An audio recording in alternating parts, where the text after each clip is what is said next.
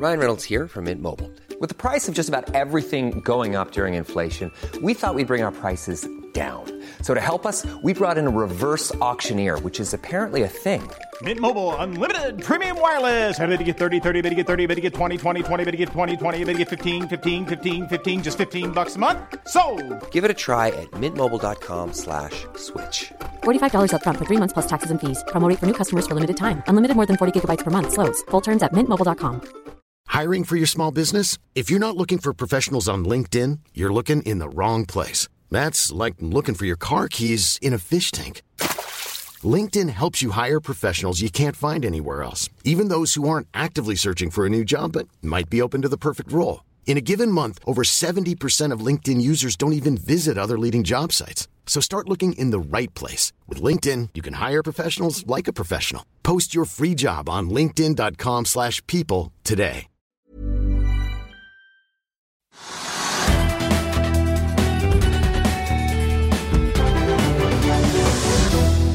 Velkommen til Økonominyhetene mandag 10. januar. Etter å ha startet første uke i det nye året i pluss, så er det foreløpig rødt på den første børsdagen i årets andre børsuke. Hovedindeksen er ned 0,8% nå, og det er også rødt rundt oss i Europa.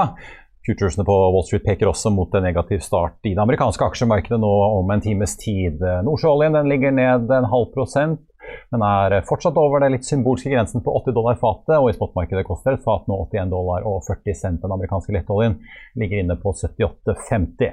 I dagens sending skal vi få teknisk analyse av videoteknologiselskapet Pexit, og vi får også besøk av en tidligere oljetopp som nå har kastet seg inn i gjenvinning av brukte dekk. Men først skal vi ta en titt på de viktigste markedsnyhetene. På hovedindeksen så er det særlig seismikkselskapet TGS sin solide oppgang på nesten 12% som bidrar til å bremse nedturen i indeksen. TGS er opp etter at de slapp inntektsguidingen sin for fjerde kvartal. Og Ifølge oppdateringen så venter selskapet en nettoomsetning på rundt 119 millioner dollar i kvartalet. En million dollar ned fra året før. Konsernsjef Christian Johansen kaller det en indikasjon på en langsiktig forbedring i seismikkmarkedet. I andre enden av skalaen er det særlig Nordic Nanovektor og Pexip og MPC Container som drar ned hovedindeksen. Nordic Nanovektor meldte fredag at den foreløpig tre måneders dataavlesningen fra paradigmestudien til selskapet nå ventes rapportert i andre halvdel av 2022, mot det som tidligere var ventet å komme i første halvår. Nyheten bidrar til å sende aksjen i hele 13,7 i dag. En annen aksje som faller er analyseselskapet Meltwater. De meldte tidligere i dag om en økning i antallet premiumkunder i desember, og at de sikret seg selskaper som Aker Solutions og Strava på kundelistene. Men investorene de syns imidlertid økningen ikke var stor nok i omsetningen, og aksjen er ned over 12 Videoselskapet Pexip de er ned 4,4 etter at de la frem en oppdatering på fjerde kvartal tidligere i morges. De gjentagende inntektene til selskapet økte med 30% til 106,4 millioner dollar. Selskapet beholder også 2024-målet sitt på 300 millioner men melder også at forsinkelser i utrullingen av nye videorom på kontorer rammer utviklingen. Konsernsjef Øystein Hem sier at han forventer å se den samme usikkerheten i første kvartal i år. Så tar vi med at Interiørkjeden Kid økte omsetningen sin med 2,5% i fjerde kvartal. Nettsalget står for stadig mer av inntjeningen, men forsinkede vareleveranser bidro negativt til interiørkjeden sin omsetning i oktober og november. Den tok seg imidlertid opp i desember i den viktige julehandelen, og aksjen er ned 3,5% i dag. Før vi går videre i sendingen, så vil jeg bare minne om at hvis du ikke rekker å se den, så kan du også høre den ved å søke opp Økonominyhetene i Spotify, Apple Podcast eller ved å gå inn på finansavisen.no podkast. I forrige uke sendte referatet fra diskusjonene om inflasjon og renteøkninger i den amerikanske sentralbanken bølger av uro gjennom markedet. Og I dag har vi fått ferske inflasjonstall fra norsk økonomi. Men, sier tallene fra SSB oss, men hva sier tallene fra SSB oss egentlig? Og hva kan de ha å si for boliglånsrenten og lønnsoppgjøret til våren? Bare se her. Are Haram, redaksjonssjef i Finansavisen. Nå har vi fått de ferske inflasjonstallene. Hovedtallet KPI-en gikk fra 5,1 til 5,3% i eh, desember. Kjerneinflasjonen hoppet fra 1,3 til 1,8. Hvordan var dette i forhold til det ekspertene og økonomene hadde ventet i forkant? Det var akkurat kjerneinflasjonen, altså inflasjonen når man renser bort avgiftene og energiprisene, som overrasket. Vi visste jo at strømprisene var ganske høye, eller var høye i desember, så der var det ikke noe overraskelse å snakke om. Men det var alt det andre. Det var flypriser, det var mindre prisfall på mat og møbler som steg i pris, som overrasket. Og det er jo kjerneinflasjonen man gjerne ser på hvis man vil se over tid. Det er det tunge lokomotivet her. Mens eh, KPI-tallene de hopper litt mer opp og ned. Ja, for Forklar forskjellen eh, for de som ikke kan dette. Vanlig inflasjon og kjerneinflasjon, hva er forskjellen? Særlig ved nyttår er det stor forskjell, for da endres jo avgifter. Men det tar man bort fra kjerneinflasjonen. Og så har man eh, bensinpriser, oljepriser, strømpriser. Altså alt av energi. Og det har jo vært ganske eh, mye svingninger i, i, i det siste. Så eh, Spørsmålet er jo da om energiprisene og kanskje særlig strømprisene flater ut eller synker. De har ikke noe å si for kjernen. Kjerneinflasjonen er da det som ligger under den underliggende eh, inflasjonen, inflasjonstrenden om du vil. Så må vi jo høre litt på det veldig mange sikkert da lurer på. Hva skjer med boliglånsrenten? Norges Bank har jo begynt å øke renten allerede. Hva er det de følger mest eh, med på, tror du? De ser på kjerneinflasjonen.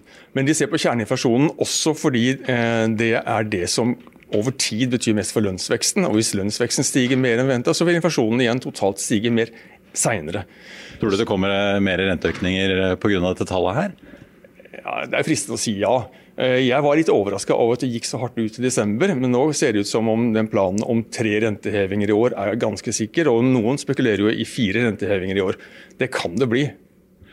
Til slutt, eh, LO og NHO skal jo møtes eh, på våren for å skvære opp og finne ut eh, hvor mye vi skal gå opp i lønn i år. Hvor mye har dette tallet og ikke minst også strømprisen å si?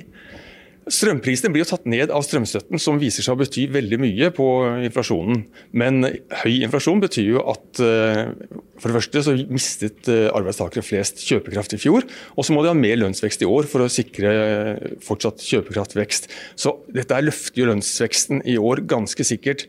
Og det er, det, går, det er, jo vanskelig å få tak i folk i mange bedrifter. Det gjør jo ikke, gjør det ikke mer sannsynlig at vi får lav lønnsvekst i år.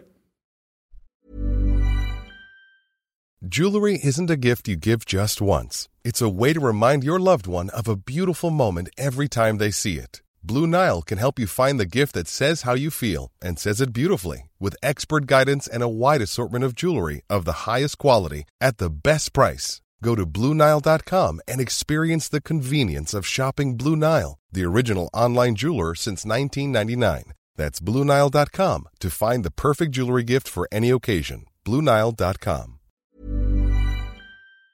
I'll see you in court. Vi sier det ofte litt på spøk, men for deg som driver business, er det aldri moro å innse at du ikke har laget en 100% gyldig kontrakt. Du bør ikke risikere hele firmaet ditt fordi du synes dette med kontrakter er litt stress. En avtale er ikke en avtale. Du kan miste kunder, miste venner, ja, til og med miste inntekter om du ikke lager en skikkelig kontrakt, på alt mulig, egentlig. Men vi vet det er et styr kopimaskiner, tregprinter og haugevis av papir. Dessuten stoler vi jo på folk her i landet. Det er ofte litt kleint å skulle be om en signatur for alt mulig, ja, for mye av styret handler også om jakten på underskriften. Det finnes en enkel måte å løse dette på, Dukkobit, en trygg, effektiv og get this, gratis måte å sikre seg en god natts søvn pluss en juridisk bindende avtale. Dukkobit-appen har de strengeste sikkerhetskrav i bunn, samt en EU-godkjent og sertifisert teknologi. Framover vil det bli behagelig å spørre du, skal vi skrive under på det, eller? Kom i gang på dukkobit.no. Da skal vi over til eh, dagens gjest. Hun har vært i toppen av store industrikonsern som Hydro, Equinor og Aker. Og hun har sittet i toppledelsen i både franske Engie og ikke minst tyske Wintershall DA. Nå sitter hun i toppen av et selskap som vil bruke milliardbeløp på å bygge gjenvinningsanlegg av eh, dekk. Velkommen til oss, Maria Moreus Hansen, styreleder i Wastefront. Tusen takk. Og godt nyttår. Takk i like måte. Eh, vi skal komme til at dere har valgt leverandør til dette prosjektet, men først, hva er Wastefront? Wastefront er et selskap som driver med pyrolysebasert gjenvinning av gamle bildekk. Og gamle bildekk er faktisk et veldig stort uh, søppelproblem. Uh, for gamle bildekk har man ikke så veldig mye bruk for. Nei, vi, og vi bytter jo mye oftere enn selve bilen. Ja. Selvfølgelig. Ja. Og selv Teslaer bruker tradisjonelle bildekk. Uh, men bildekk kan gjenvinnes i den forstand at du, du faktisk forbrenner dem nesten. Altså du smelter dem. og så får du flytende oljeprodukter. Og så får du et produkt som vi kaller eh, recovered carbon black, som kan brukes til bl.a. produksjon av nye bildekk. Så dette er et, et selskap og en prosess som går inn i sirkulærøkonomien. Slags avansert gjenvinningsanlegg, eh, litt enkelt sagt? Da. Det er jo det. Og dette er teknologi som er lik den som Contafuel bruker, f.eks.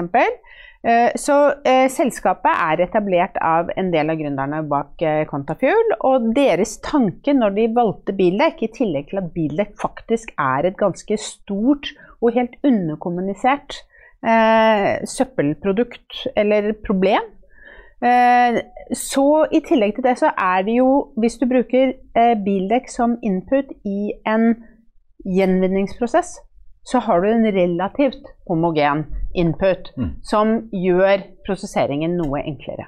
Ja, for Det var, husker jeg var en diskusjon som Kontafugl var ganske åpne på i starten. at mm. uh, altså, Ulike typer plast og, og, hvor rent det var og mye annet avfall det var i den uh, avfallsmiksen, var jo noe de måtte teste litt ut. Men bildekk er vel litt mer generisk? Ja? Litt mer generisk, ja. men du kan tenke deg du har liksom traktordekk og de svære dekkene, og så har du den type litt mer sånn fancy eh, sportsbildekk, ikke sant. Så ja. du får jo et spekter der også. Og så finnes det forskjellige spekker i forskjellige land. Eh, men vi planlegger jo da å basere oss på eh, det engelske markedet. Ja, første, bygge, denne ja. fabrikken som skal bygges, uh, skal koste rundt 100 millioner pund. Mm. 1,2 milliarder kroner omtrent. Skal ligge i Sunderland. I Sunderland. Hvorfor Storbritannia, ikke Norge, ikke Tyskland eller andre Fordi land? Fordi at UK er en av de største eksportørene av gamle bildekk i verden. For, for litt av søppelproblemet da, det er jo at hva gjør man med bildekk? I Norge så har vi et veldig fint system for å samle inn gamle bildekk. Vi jo, har jo egentlig pant på bildekkene våre, og vi, vi, leverer dem inn til gjenvinning. Men hva, hva, bruker vi dem til når vi ikke lenger kan granulere dem og bruke dem i, uh, som fyllmasse i bilveier eller uh, fotballbaner? Så har vi egentlig ikke noe bruk for dem, og da eksporterer vi dem. Og da eksporterer man dem jo veldig typisk til land som har kanskje noe mer fleksible skal vi si det, ordninger for å bruke gamle bildekk, kanskje som eh, fyringsmateriale til sementindustri. Altså dette er en verdikjede, en søppelverdikjede, som eh, til dels er ganske skitten. Er dere avhengig av da regulering fra britiske myndigheter for å faktisk sikre dere nok råstoff til eh, Jeg vet ikke om dere får betalt, eller om dere må betale for det? altså, reguleringen er faktisk der. fordi at en av eh, tingene som skjer nå, det er jo at store økonomier som Kina og India, og Nord-Afrika, har tatt veldig mye gamle bildekk. De sier vi vil ikke lenger importere gamle bildekk. Vi aksepterer ikke. Det er sånn at 29 milliarder metriske tonn bildekk eh, kommer til end of life eh, hvert år. Eh, og brorparten av dette går rett og slett på søppelfyllinger. Og disse søppelfyllingene etableres da i land eh, som kanskje har en annen type bevissthet rundt dette, eller en annen type økonomi eh, enn det vi har her i Vesten. Så derfor så valgte vi oss UK. Så er det mange andre ting å si om UK også, men markedet for gamle bildekk er stort nok til at vi ikke er bekymret for selve inputen på eh, forsyningskjeden vår. Nei, at alle, enten det er bilforhandlere eller andre som eh, må kvitte seg med det, de på en måte vil søke til dere, rett og slett? Eller, ja, eller vi kan i hvert fall inngå kontrakt med mange nok mm. til at de kommer til å ha sikret vår eh, kjede. Eh, vi skal ha, bruke i størrelsesorden 8 80 000 metriske tonn per år. Så ja. vi har eh, et stort marked å forsyne oss. Og det skjønner jeg, ja, det er jo mer enn det Norge genererer hvert år. så ja. er ganske, Selv om Norge ikke er det største bilmarkedet i verden, så er det jo i hvert fall en god slump. Ja. Men, men, men hva, er, hva, er, planen? Nå skal jo dette etter planen åpne i starten av 2024, hvis alt uh, ja, går hvis, etter planen? Hvis ting går etter planen nå, uh, så håper vi å starte med EPC-kontrakten vår i slutten av uh, annet kvartal i år, da. 2022. Jeg har ikke øvd meg på å si gjelder å holde styr på det i år og i fjor og sånn, ja. Og så blir det to år med fabrikasjon av anlegget, innkjøring osv., og, så videre, og så skal vi starte kommersiell drift. ja. Det er planen. Hvor mange anlegg ser dere for dere at dere kan eh, bygge de neste ti årene? Er det Nei, vi har ikke tallsatt hva vi kan bygge de, det neste tiåret, men det vi har sagt er at uh, man tenker seg liksom at vi bygger ett, får det i produksjon, at vi så bygger to, og så kan man jo tenke seg at den er liksom, verdikjeden tar av og blir stor. Eh, Dere har jo valgt Teknipe Energi, som det Mm. heter nå. Eh, Det ble jo spunnet ut eh, av Teknipe FMC, oljeserviceselskapet som mange kjenner. Mm. Eh, De skal jo bygge dette. Men hvor stor liksom, teknologisk uh, nybrottsarbeid er dette? Er dere liksom trygge på at dette er problemfritt å bygge, eller er det mye som må testes ut og på en måte ja, Nei, eh, justeres underveis her for å komme i mål? vi baserer oss på proven technology, og det, har vi, eh, har vi, det gjør vi bevisst. Eh, så her er det ikke noe som skal oppfinnes eller noe som skal lages. Det viktigste i en pyrolyseprosess er det man kaller en pyrolysegenerator. Altså der hvor den, du rett og slett forbrenner eller smelter produktene. Og disse produseres i Kina. Eh, Så da bestiller man eh, disse reaktorene, ikke generatorene, reaktorene. eh, Får dem levert. Men så er det jo hele anlegget rundt. Så dette vil jeg kanskje sammenligne med et raffineri. Altså hvis du skal tenke på det i en terminologi eller billedbruk som folk kjenner seg igjen i. Det blir som en, en, en prosessanlegg et raffineri. Ja. Så du har disse reaktorene uh, som står der, som bestilles, som ikke er hyllevare, men som jo er under uttesting og uh, kommersiell produksjon allerede. Uh, og så har du andre ting som kommer i tillegg. Altså du skal eh, shredde dekkene. Du må rive Ja, dem opp, mm. kverne dem opp før du føder dem inn i reaktorene. Eh, Du skal tørke produktene når du kommer inn, ut. Du får jo ut eh, en aske, et askeprodukt, og du får ut det, det som kalles en pyrolyseolje. Og den pyrolyseoljen prosesserer du, sånn at du får de forskjellige destillatene. Så ingenting i seg selv er en liksom helt nybrottsanlegg. Eh, men det å sette den sammen i stor skala, Ja. og ikke minst størrelsen på, på anleggene. Dette er jo nå planlagt til å være det største anlegget for gjenbruk og pyrolysebasert gjenbruk av eh, bildekk i verden. Jeg har merket meg at uh, dere har fått med Vitol, eh, Mm. verdens største uavhengige oljetrader på laget. De var jo også med i starten fra Quantafuel og Mm. garanterte at uh, her var det noen som skulle kjøpe dette produktet. Eh, men jeg tenkte litt på finansieringen. Altså, så langt er det investert rundt 100 millioner i dette selskapet. Dere Mm. trenger jo betydelig mer for å bygge, Mm. bygge det. Eh, Hvordan skal dere gjøre det? Er det banklån som skal få dette i havn? Er det støtte fra si, britenes versjon av Innovasjon Norge? Ja, eller hva skal vi si, litt av hvert. Eller, Eller vi kanskje en børsnotering på Euronext Growth, Ja, som mange har har liksom- drevet med de siste par årene? Vi har ikke konkludert ennå, eh, men eh, det er alt fra store infrastrukturtype fond, eh, grønn infrastruktur, som er interessert i å snakke med oss, til andre mindre private aktører. Eh, Og vi har ikke besluttet hvordan vi skal finansiere det. Det har jo selvfølgelig noe med kost å gjøre, det har noe med eh, modning av anlegget å gjøre. Eh, vi er jo et annerledes Jeg er, kommer jo fra storindustri, så jeg forstår jo på en måte at folk kan oppleve oss som, som umodne. Mm. Så ideelt sett så ønsker vi jo å være fullfinansiert før vi starter liksom, å bygge anlegget, men det kan godt være at vi kommer til å ta dette litt i faser. Er det mer krevende? Altså, vi har jo sett, i hvert fall i Mm. aksjemarkedet, så har det jo vært en veldig korreksjon i mange vekst- og, og grønne aksjer siste året, vel omtrent, fra de nådde en topp i januar i fjor. Er, Det er det liksom, Merker dere den, eller er Ja, eh, men ikke nødvendigvis bare med negativt fortegn, tenker jeg. Eh, kanskje fordi jeg kommer fra storindustri, og kanskje fordi at jeg rett og slett bare er litt konservativ. Men jeg syns det er helt greit å ikke ha sittet og hentet penger eh, på prising som eh, jeg hadde hatt vanskelig for å forsvare i dagens marked. Ja. Så en, en viss sånn moderasjon når man går inn, er også fint, tenker jeg da. Men uh, hver sin smak, kanskje. Det blir veldig spennende, å følge. Vi, på tampen må vi snakke litt om uh, den uh, energisituasjonen som Mm. vi ser i Europa nå. Som jeg introdusert deg med. Du har jo vært helt i toppen som visekonsernsjef bl.a. i Wintersalia, en av de Mm. store olje- og energiselskapene her i Europa. Eh, siste tiden har vi jo sett eh, naturgasspriser eh, helt ut av Mm. Apropos høy prising, eh, helt ut av det blå. Mm. Vi ser store industriaktører som Yara og Mm. Hydro som må, må trappe ned eller stenge produksjonen av av Mm. gjødsel og aluminium rundt på kontinentet pga. høye kraftpriser.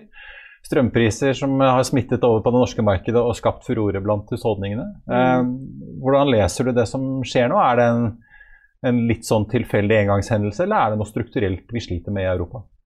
Eh, Jeg tror ikke dette bare er et europeisk fenomen. Eh, Dette er jo eh, selvfølgelig europeiske gasspriser som har nådd nivåer som vi nok ikke kunne forestilt oss da jeg satt og holdt på med dette.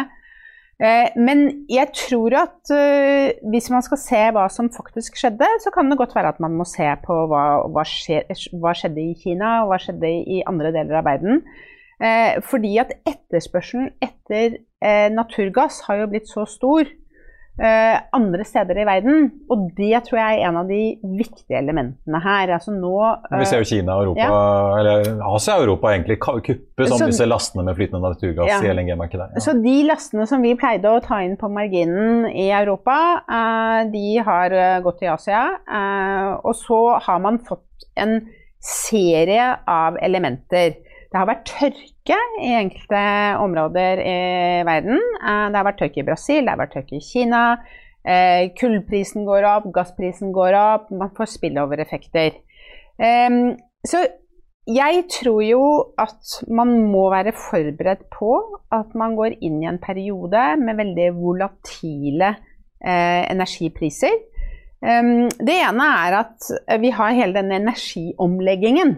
Vi er jo på vei inn i et elektrifisert samfunn eh, hvor eh, erstatningen for eh, olje og gass og kull eh, fortsatt ikke er på plass. Samtidig som etterspørselen er veldig høy. Det er skapt enorme forventninger til hva som kan og skal elektrifiseres. Eh, samtidig så er det jo sånn at det vi ser, er kanskje klimakrisen. Så vi kommer til å se noen værfenomener. Og veldig mye av kraften vår er jo basert på vær. Sånn at det å uh, hedge, det å tenke risikodempning i kraftmarkedet, tror jeg blir kjempeviktig fremover. Uh, så jeg er ikke noe spå, spåmann. Jeg sitter og forbruker eh, kraft som alle andre nordmenn og betaler sikkert skyhøye strømpriser. Men jeg tenker at for industrien så gjelder det nok nå å tenke at man skal være forberedt og betale litt for forsikringer eh, på alle bauger og kanter, sånn at man tåler de periodene man skal igjennom. Men hjelp oss å forstå, altså, Du har jo sittet på toppen av tysk næringsliv, Mm. eh, midt i energibransjen. Eh, For, for på en måte lekmenn på utsiden Mm. som utenforstående, så kan det jo nesten virke som aktiv selvskading når de stenger ned kjernekraft. Mm. Eh, på den ene siden, før man på en måte har de grønne og utslippsfrie alternativene som man ønsker seg klare. Hvordan er det egentlig liksom, tankesettet fungerer i Tyskland? Nå ser vi jo at de på en måte har fått gasskraften Mm. inn igjen i taksonomien for å ha det som en overgangsløsning. Altså, nå, det, det tyske kraftmarkedet er jo veldig basert på uh, naturgass. Så de bruker veldig mye naturgass. Og det er jo et lite element her også av uh, forventnings... Eh, Forventningsoppbygging, da. Ikke sant? Hvor kommer Nord Stream 2, kommer ikke Nord Stream 2, hvor går naturgassen hen? Eh, det at kullet måtte fases ut, eh, det er jo ikke noe overraskelse. Og det er klart at eh, for Tyskland så var det en veldig tung beslutning å ta. For det rammer jo primært veldig store deler av Øst-Tyskland, som både baserer seg på dette her som kraft, men også som industri. Det er fortsatt en ganske stor industri i Øst-Tyskland. Um, atomkraft altså Nå hører jeg jo det er veldig mange som snakker om atomkraft. Jeg er nok litt sånn skeptisk, og grunnen til det, det er jo at atomkraft er ekstremt dyrt. Ja, Til at det skal fungere som en slags grunnballast. Ja, for nå, er, liksom, nå ser du jo en sånn liten bølge her hvor man begynner å snakke pent om eh, atomkraft, og kanskje atomkraft eh, skal komme. Eh, men hvis man ser på Frankrike, så har jo store deler av den franske atomkraftproduksjonen uh, vært ute i løpet av vinteren, som har også bidratt til denne skaden. Og i UK så bygger man jo atomkraft, og det er ekstremt dyrt. Og Finnenes nye anlegg har jo blitt ganske mye dyrere. Finnene er veldig dyre, ikke sant. Og det er ikke sånn at de blir billigere av at man bygger de små. Eh, som veldig mange snakker om. Så jeg er litt skeptisk uh, til den tanken at nå, nå, kommer vi til å basere oss på atomkraft som den der basiskraften. Uh, hva tenker du vi må ta liksom, strategiske grep? Uh, nå har jo da kjernekraft og naturgass ser jo ut da, til å komme inn i taksonomien til EU som en slags overgangsordning. ja. men hva tenker du Europa må gjøre da? Det ser jo ikke ut som energibehovet går ned med det første. Da har vi jo mye vi skal erstatte. Nei, jeg tror jo at det vi kanskje har lært nå denne vinteren, er at vi kan ikke underinvestere i den kraftbalansen som vi egentlig baserer oss på, før den nye kraften er oppe og går. Mm. Og så tror jeg at vi også må tenke på dette med værfenomener. At vi kan komme til å se mer ekstremvær, og at det kommer til å påvirke den kraftbalansen som vi har i Europa, men også selvfølgelig andre steder i verden. Men at naturgass nå må være en eh, sikker og mer sånn basisorientert eh, del av den europeiske kraftproduksjonen, det, det, tror jeg at eh, det er mange som tenker nå. Det har jo vært en hetpotet men uh, om denne, Europa trenger den naturgassen vår og, og til, som Russland leverer. Men uh, mm. hvor lenge tror du det holder? da? Er det på en måte noe som en energikilde som de vil forbruke i mange tiår?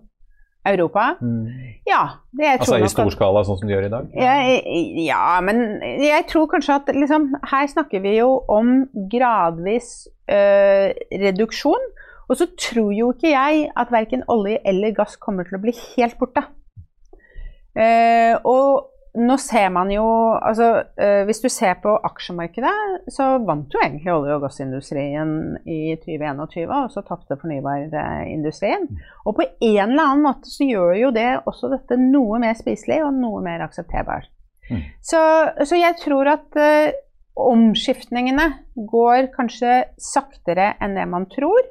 Samtidig så tror jeg jo, liksom, hvis du skal si en av megatrendene som skjedde i 2021, det er jo at eh, elektriske biler er jo liksom overalt. Over så vi ja. må jo levere på elektrifiseringen av samfunnet. Mm. Mm. Maria Moraus Hansen, tusen takk skal du ha, og får vi si lykke til med pengejakten i Wishfront. Takk skal du ha. På tampen av sendingen tar vi med at uh, selskapet Pasientsky melder at Siv Jensen, den tidligere finansministeren, blir styremedlem i selskapet. Vi tar også med at eh, elektronikkselskapet Kitron melder at oppkjøpet av dansk BB Electronics til 822 millioner norske kroner er gjennomført. Den aksjen er ned 4 eh, i dag. Da skal vi ta en titt på markedet akkurat nå eh, når klokken nærmer seg tre. Hovedindeksen er ned 0,9% nå. Og det er eh, aksjer som bl.a. Ja, vi ser Pexi på Melkwater. Pexi er ned 7 i dag. Melkwater ned 16 etter at de har kommet med oppdateringer på driften. Og så er eh, den store oljemyggaksjen eh, Quest Air den er opp 13% Den aksjen falt jo kraftig på fredag, men har jo sust opp eh, rundt 200% eh, var den siste måneden på spekulasjoner om erstatninger i Quebec, nå som de ser ut til å ikke få lov til å utvikle gassfeltet de sitter på i eh, den fransktalende regionen av Canada. På listen over de mest omsatte aksjene på Oslo Børs så er det Equinor og Aker BP som er på topp. Begge to ligger så vidt i grønt i dag. Deretter følger REC Silicon og MPC Container, som begge er ned snaue 6 i Finansavisen i morgen kan du lese Trygve Hegnars leder om strømpriser og det han mener er elleville krav fra bøndene. Du kan lese om trelastprisene som har doblet seg på to måneder. Og du kan lese børsintervju med Holberg-forvalter Jan Målnes. Det var det vi hadde for i dag, men vi er tilbake i morgen klokken 14.30. I mellomtiden får du som alltid siste nytt på fa.no. Mitt navn er Marius Lorentzen. Takk for at du så på, og så håper jeg vi ses igjen i morgen.